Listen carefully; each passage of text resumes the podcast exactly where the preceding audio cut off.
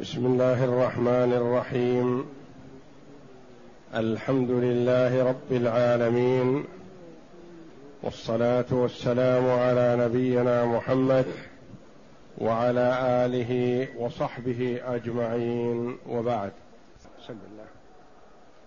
أعوذ بالله من الشيطان الرجيم.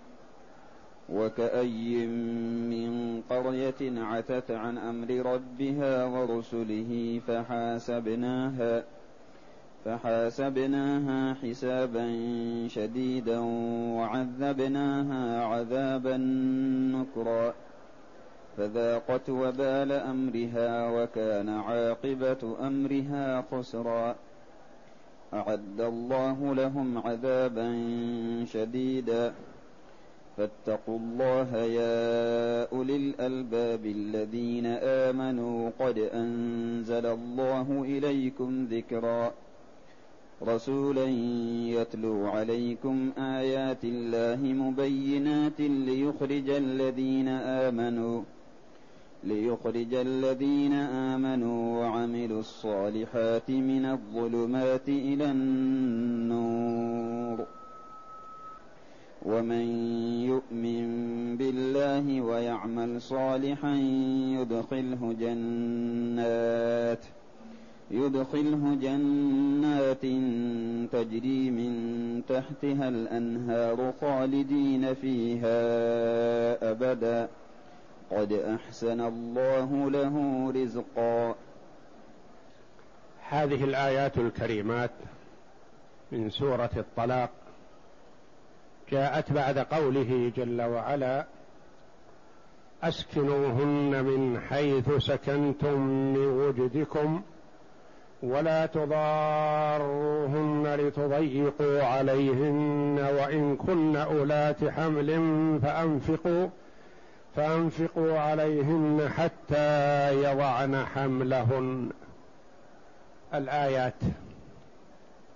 يقول الله جل وعلا في هذه الآيات وكأي من قرية عتت عن أمر ربها ورسله. لما ذكر جل وعلا شيئا من أحكام الطلاق والعدة والنفقة والسكن للمطلقات والإنفاق على الحوامل وهذه من أحكام الله جل وعلا التي أنزلها لعباده ليعملوا بها ويتقيدوا بما جاءهم في كتاب الله جل وعلا. وشرحه لهم رسوله صلى الله عليه وسلم بين تعالى شيئا من أحوال الأمم السابقة التي عصت أمر الله جل وعلا وتكبرت وترفعت عن الرسل صلوات الله وسلامه عليهم أجمعين ما الذي حل بهم؟ وفي هذا نذارة. نذارة للمؤمنين ونذارة للكافرين. نذارة للمؤمنين بأن بين أيديكم أحكام الله فحذاري أن تتهاونوا بها أو تضيعوها فتعاقبوا بما تستحقونه. ونذارة لكفار قريش ومن على شاكلتهم بأن الله جل وعلا عذب من قبلكم من الأمم. لماذا؟ لأنهم عصوا أمر الله وتجبروا وتكبروا على الرسل. وأنتم إن لم تؤمنوا بمحمد صلى الله عليه وسلم فلستم بأقوى من أولئك فسيصيبكم ما أصابهم وكأي من قرية كأي بمعنى كم الخبرية أي كثير من القرى. والمراد بالقرى البلدان المسكونة والمراد أهلها. لأن الأرض الفاضية لا يقال لها قرية وإنما القرية هي البلد المسكونة وقد تكون مدينة كبيرة عظيمة. وكأي من قرية عتت أعرضت وعصت وتجبرت وتكبرت عن أمر ربها. أمرها الله جل وعلا بتوحيده واتباع رسله فعتوا بمعنى أعرضوا وعصوا عصوا أمر الله وأعرضوا عن طاعته. عن أمر ربها ورسله عن أمر الله وعن رسله عليهم الصلاة والسلام لأنهم لا يأمرون إلا بما فيه طاعة لله. فهم معصومون من الخطأ. صلوات الله وسلامه عليهم أجمعين. عتت عن أمر ربها ورسله فحاسبناها حسابا شديدا. حاسبها الله جل وعلا أحصى عليها أعمالها السيئة وعاقبهم عليها. والله جل وعلا إذا حاسب عبدا محاسبة عدل عذبه وإن حاسبه محاسبة رحمة فالله جل وعلا يرأف به. والنبي صلى الله عليه وسلم يقول من نوقش الحساب عذب. لأنه إذا حوسب على كل ما أتى استحق العذاب. إن لم يعفو الله جل وعلا عنه. وهؤلاء لما عصوا عتوا على أمر الله حاسبهم الله جل وعلا حسابا شديدا بمعنى أنه لا يغادر صغيرة ولا كبيرة من أعمالهم السيئة إلا أحصاها وبينها لهم. كما ورد في الحديث في حال عفو الله جل وعلا عن عبده أن الله جل وعلا يدني عبده المؤمن منه ويستره. ثم يقرره بذنوبه فيقول له فعلت كذا وكذا وفعلت يوم كذا كذا وكذا حتى إذا ظن أنه هالك قال الله جل وعلا سترتها عليك في الدنيا وأغفرها لك أو كما جاء عن النبي صلى الله عليه وسلم. فالله جل وعلا إذا حاسب عبدا على صغائره وكبائره هلك العبد لأنه ما يمكن أن يؤدي حق الله جل وعلا. فما بالك إذا كان الحساب شديدا؟ فحاسبناها حسابا شديدا. ونتيجة هذا الحساب الشديد عذبها الله جل وعلا العذاب الفظيع.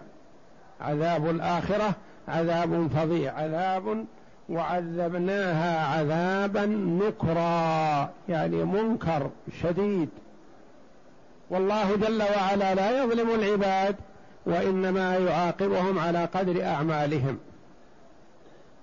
وأعمال الكفار فظيعة فيكون الحساب والعذاب شديد. يقول تعالى متوعدا لمن خالف أمره وكذب رسله. وسلك غير ما شرعه ومخبرا عما حل بالأمم السالفة بسبب ذلك فقال وكأي من قرية عتت عن أمر ربها ورسله أي تمردت وطغت واستكبرت عن اتباع أمر الله ومتابعة رسله فحاسبناها حسابا شديدا وعذبناها عذابا نكرا أي منكرا فظيعا. فذاقت وبال أمرها. فذاقت هذه الأمة أو أهل هذه القرية وبال عاقبة أمرها. نتيجة معصيتها نتيجة كفرها. فذاقت وبال أمرها وكان عاقبة أمرها خسرا. لأن عاقبة الأعمال السيئة الخسارة والهلاك. وعاقبة الأعمال الحسنة الفوز والسعادة. فذاقت وبال أمرها وكان عاقبة أمرها خسرا. خسروا الدنيا لأنهم لم يعملوا فيها للآخرة. وخسروا الآخرة حيث أنهم استحقوا فيها عذاب النار والعياذ بالله. اقرا فذاقت وبال أمرها أي غب مخالفتها وندموا حيث لا ينفعهم الندم.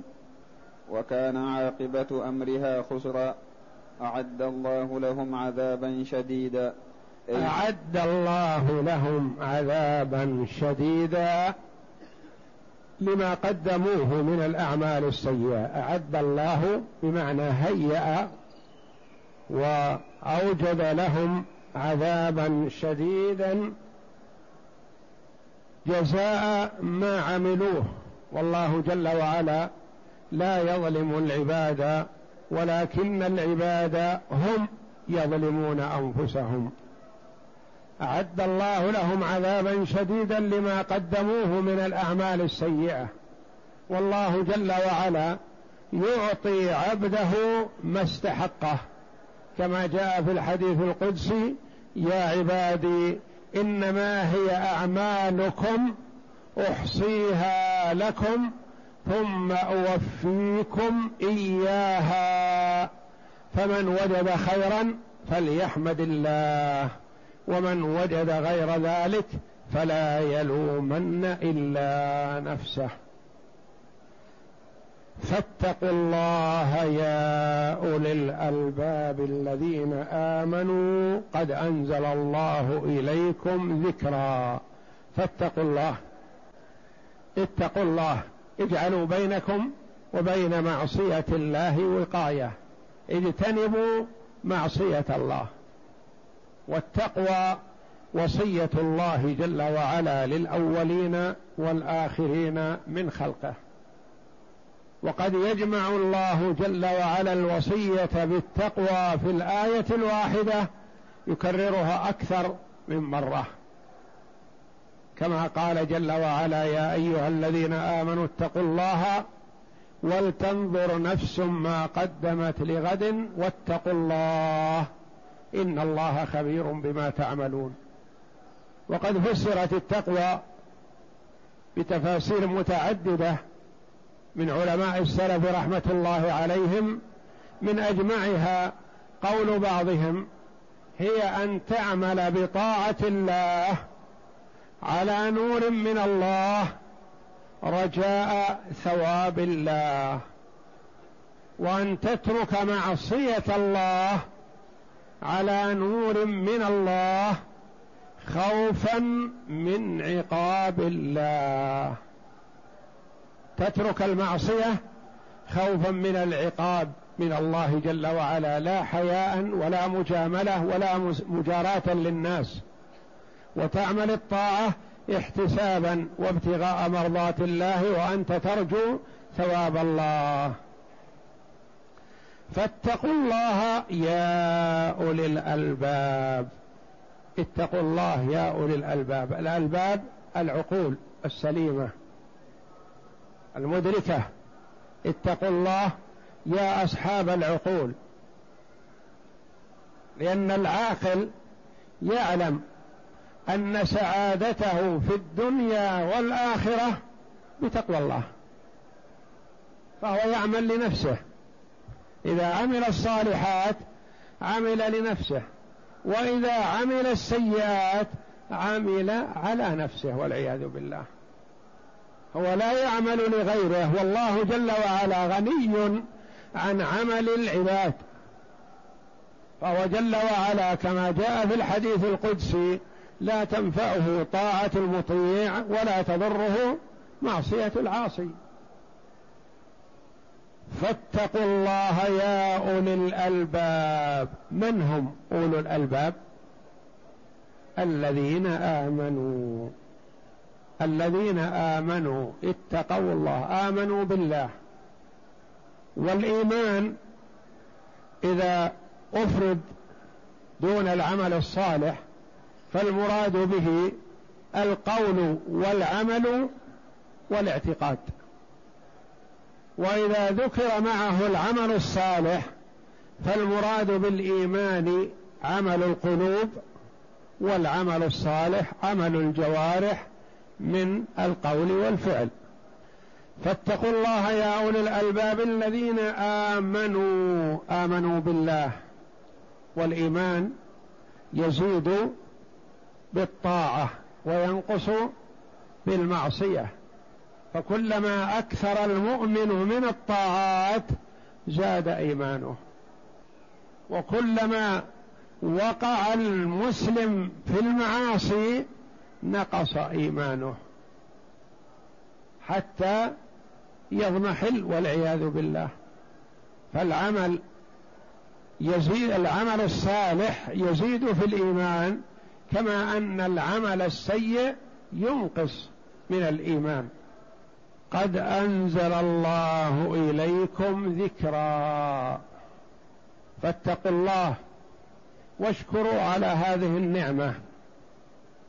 اشكروه جل وعلا على هذه النعمة التي أنزلها عليكم.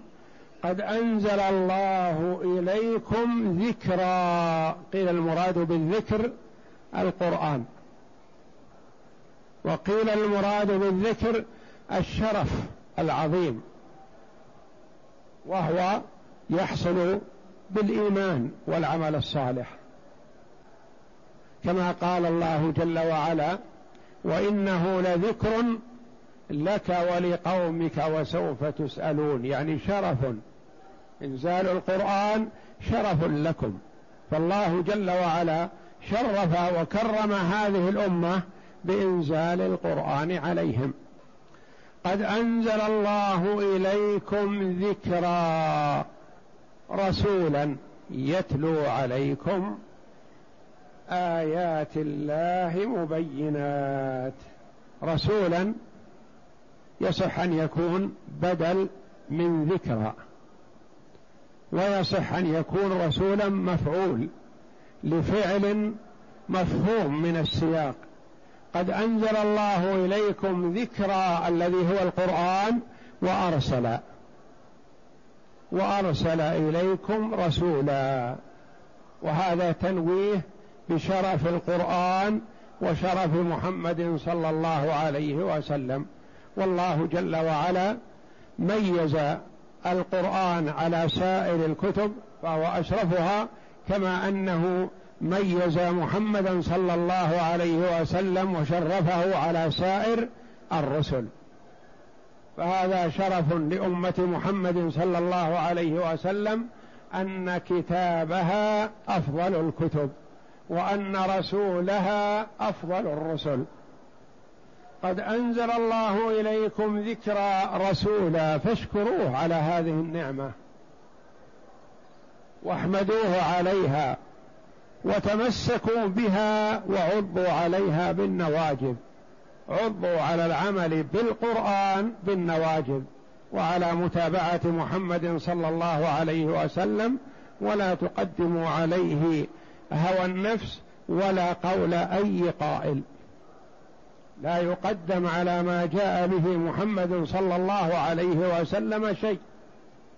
فإذا كان هواك في شيء ما وحديث رسول الله صلى الله عليه وسلم وسنته بخلاف ذلك فخذ بسنة رسول الله صلى الله عليه وسلم واترك ما تهواه. كما قال عليه الصلاة والسلام لا يؤمن أحدكم حتى يكون هواه تبعا لما جئت به. يعني لا يؤمن الإيمان الكامل لا يكون إيمانه كامل حتى يكون هواه متابعا لسنة. ما ورد في سنة رسول الله صلى الله عليه وسلم أخذ به وأعرض عما يخالفه. رسولا يتلو عليكم آيات الله مبينات. هذه الآيات مبينات ظاهرة تبين الحق وتبين الباطل. تبين الحق فخذوا به وتبين الباطل فدعوه واجتنبوه. ولم يترككم جل وعلا في حيرة من أمركم أو في جهالة وإنما أنزل عليكم كتابا فيه آيات بينات واضحات. وكما قال صلى الله عليه وسلم تركتكم على المحجة البيضاء ليلها كنهارها لا يزيغ عنها إلا هالك. والمحجة هي الطريقة والطريق والمسلك والجادة. رسولا يتلو عليكم آيات الله مبينات ليخرج الذين آمنوا وعملوا الصالحات من الظلمات إلى النور. فالله جل وعلا أخرج من شاء من هذه الأمة بالقرآن وبالرسول صلى الله عليه وسلم أخرجهم بهما من ظلمات الجهل. والكفر والضلال إلى نور العلم والإيمان والبصيرة. فكانوا يتخبطون في الجهالة. فأنزل الله جل وعلا هذا القرآن العظيم على محمد صلى الله عليه وسلم كما وصفه الله جل وعلا بقوله إن هذا القرآن يهدي للتي هي أقوم. ولم يبين جل وعلا التي هي أقوم في أمر ما وإنما هي عامة. أقوم في شؤون الدنيا وأقوم في شؤون الآخرة أقوم في المعاملات والعبادات وسائر الأفعال يهدي إلى الصواب وإلى الحق. ليخرج الذين آمنوا وعملوا الصالحات. آمنوا بقلوبهم وصدقوا إيمانهم بالعمل الصالح فلا بد من تصديق القلب مع تصديق القلب من العمل الصالح. أما الإيمان بالقلب وحده لا يكفي. والعمل الصالح الذي ظاهره الصلاح بدون إيمان بالله لا يكفي ولا ينفع لأنه عمل المنافقين. المنافقون يعملون أعمالا ظاهرها الصلاح ولم تغن عنهم شيئا لأنهم لم يؤمنوا بالله وإنما عملوها لمصالحهم الدينية. ليخرج الذين آمنوا وعملوا الصالحات من الظلمات إلى النور ومن يؤمن بالله ويعمل صالحا. كرر ذلك جل وعلا تاكيدا وبيانا لأهمية الإيمان والعمل الصالح وأنه الذي ينبغي للمرء العاقل أن يعمله لينال به السعادة. ثم بين جزاءه وثوابه عليه فقال ومن يؤمن بالله ويعمل صالحا يدخله جنات تجري من تحتها الأنهار. الجنات البساتين. تجري من تحتها الأنهار بينها الله جل وعلا في آيات أخر أنهار الماء وأنهار اللبن وأنهار الخمر وأنهار العسل. وكلها تجري الأربعة بغير أخدود وتتوجه كيفما شاء من هي له. ترتفع معه إذا ارتفع وتنزل معه إذا نزل بأمره جل وعلا. تجري من تحتها الأنهار خالدين فيها أبدا يعني مقيمين دائما وأبدا. لا موت ولا مرض ولا ضعف ولا شيخوخه ولا هم ولا غم خالدين فيها ابدا. قد أحسن الله له رزقا الذي هو الجنة. فأحسن الأرزاق هو ما يرزقه الله جل وعلا عباده المؤمنين. في الجنة فمن عمل هذا العمل أعطي هذا الثواب. من يؤمن بالله ويعمل صالحا ينال هذا الثواب برحمة الله جل وعلا. اقرأ. فاتقوا الله يا أولي الألباب أي الأفهام المستقيمة. لا تكونوا مثلهم فيصيبكم ما أصابهم يا أولي الألباب الذين آمنوا. أي صدقوا بالله ورسله. قد أنزل الله إليكم ذكرا أي القرآن كقوله تعالى انا نحن نزلنا الذكر وأنا له لحافظون. وقوله تعالى رسولا يتلو عليكم آيات الله مبينات. قال بعضهم رسولا منصوب على أنه بدل مبينات فيها قراءتان سبعيتان يعني من القراءات السبع. مبينات اسم فاعل مبينات اسم مفعول يعني موضحات. مبينات يعني هي تبين الحق من الباطل. مبينات يعني موضحات مبينة مفسرات بينات للناس. نعم. قال بعضهم رسولا منصوب على أنه بدل اشتمال وملابسة لأن الرسول صلى الله عليه وسلم هو الذي بلغ الذكر. قال ابن جرير رحمه الله الصواب أن الرسول ترجمة عن الذكر يعني تفسيرا له. ولهذا قال تعالى رسولا يتلو عليكم آيات الله مبينات أي في حال كونها بينة واضحة جلية ليخرج الذين آمنوا وعملوا الصالحات من الظلمات إلى النور. كقوله تعالى كتاب أنزلناه إليك لتخرج الناس من الظلمات إلى النور.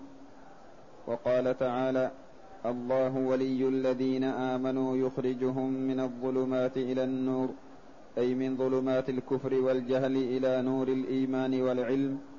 وقد سمى الله تعالى الوحي الذي أنزله نورا لما يحصل به من الهدى كما سماه روحا لما يحصل به من حياة القلوب. فقال تعالى وكذلك أوحينا إليك روحا من أمرنا ما كنت تدري ما الكتاب ولا الإيمان ولكن جعلناه نورا نهدي به من نشاء من عبادنا وإنك لتهدي إلى صراط مستقيم. وقوله تعالى ومن يؤمن بالله ويعمل صالحا يدخله جنات تجري من تحتها الأنهار خالدين فيها أبدا. قد أحسن الله له رزقا. قد تقدم تفسير مثل هذا غير مرة بما أغنى عن إعادته ها هنا. ولله الحمد والمنة. وفي قوله جل وعلا ومن يؤمن بالله ويعمل صالحا يدخله جنات تجري من تحتها الأنهار خالدين فيها أبدا. قد أحسن الله له رزقا. ومن يؤمن بالله ويعمل صالحا يدخله. من باعتبار لفظها مفرد وباعتبار معناها تدل على الجمع. من يؤمن بالله ويعمل صالحا يدخله. وفي قراءة ندخله عاد الضمير باعتبار لفظ من. لأن لفظها مفرد وهي تؤدي معنى الجمع. يدخله أو ندخله قراءتان سبعيتان كذلك. تجري من تحتها الأنهار خالدين فيها. خالدين عاد الضمير باعتبار معنى من؟ ما قال خالدا فيها قال خالدين باعتبار معناها لأن معناها الجمع. ثم قال جل وعلا فيها أبدا قد أحسن الله له عاد باعتبار اللفظ والله أعلم. وصلى الله وسلم وبارك على عبده ورسول نبينا محمد وعلى آله وصحبه أجمعين.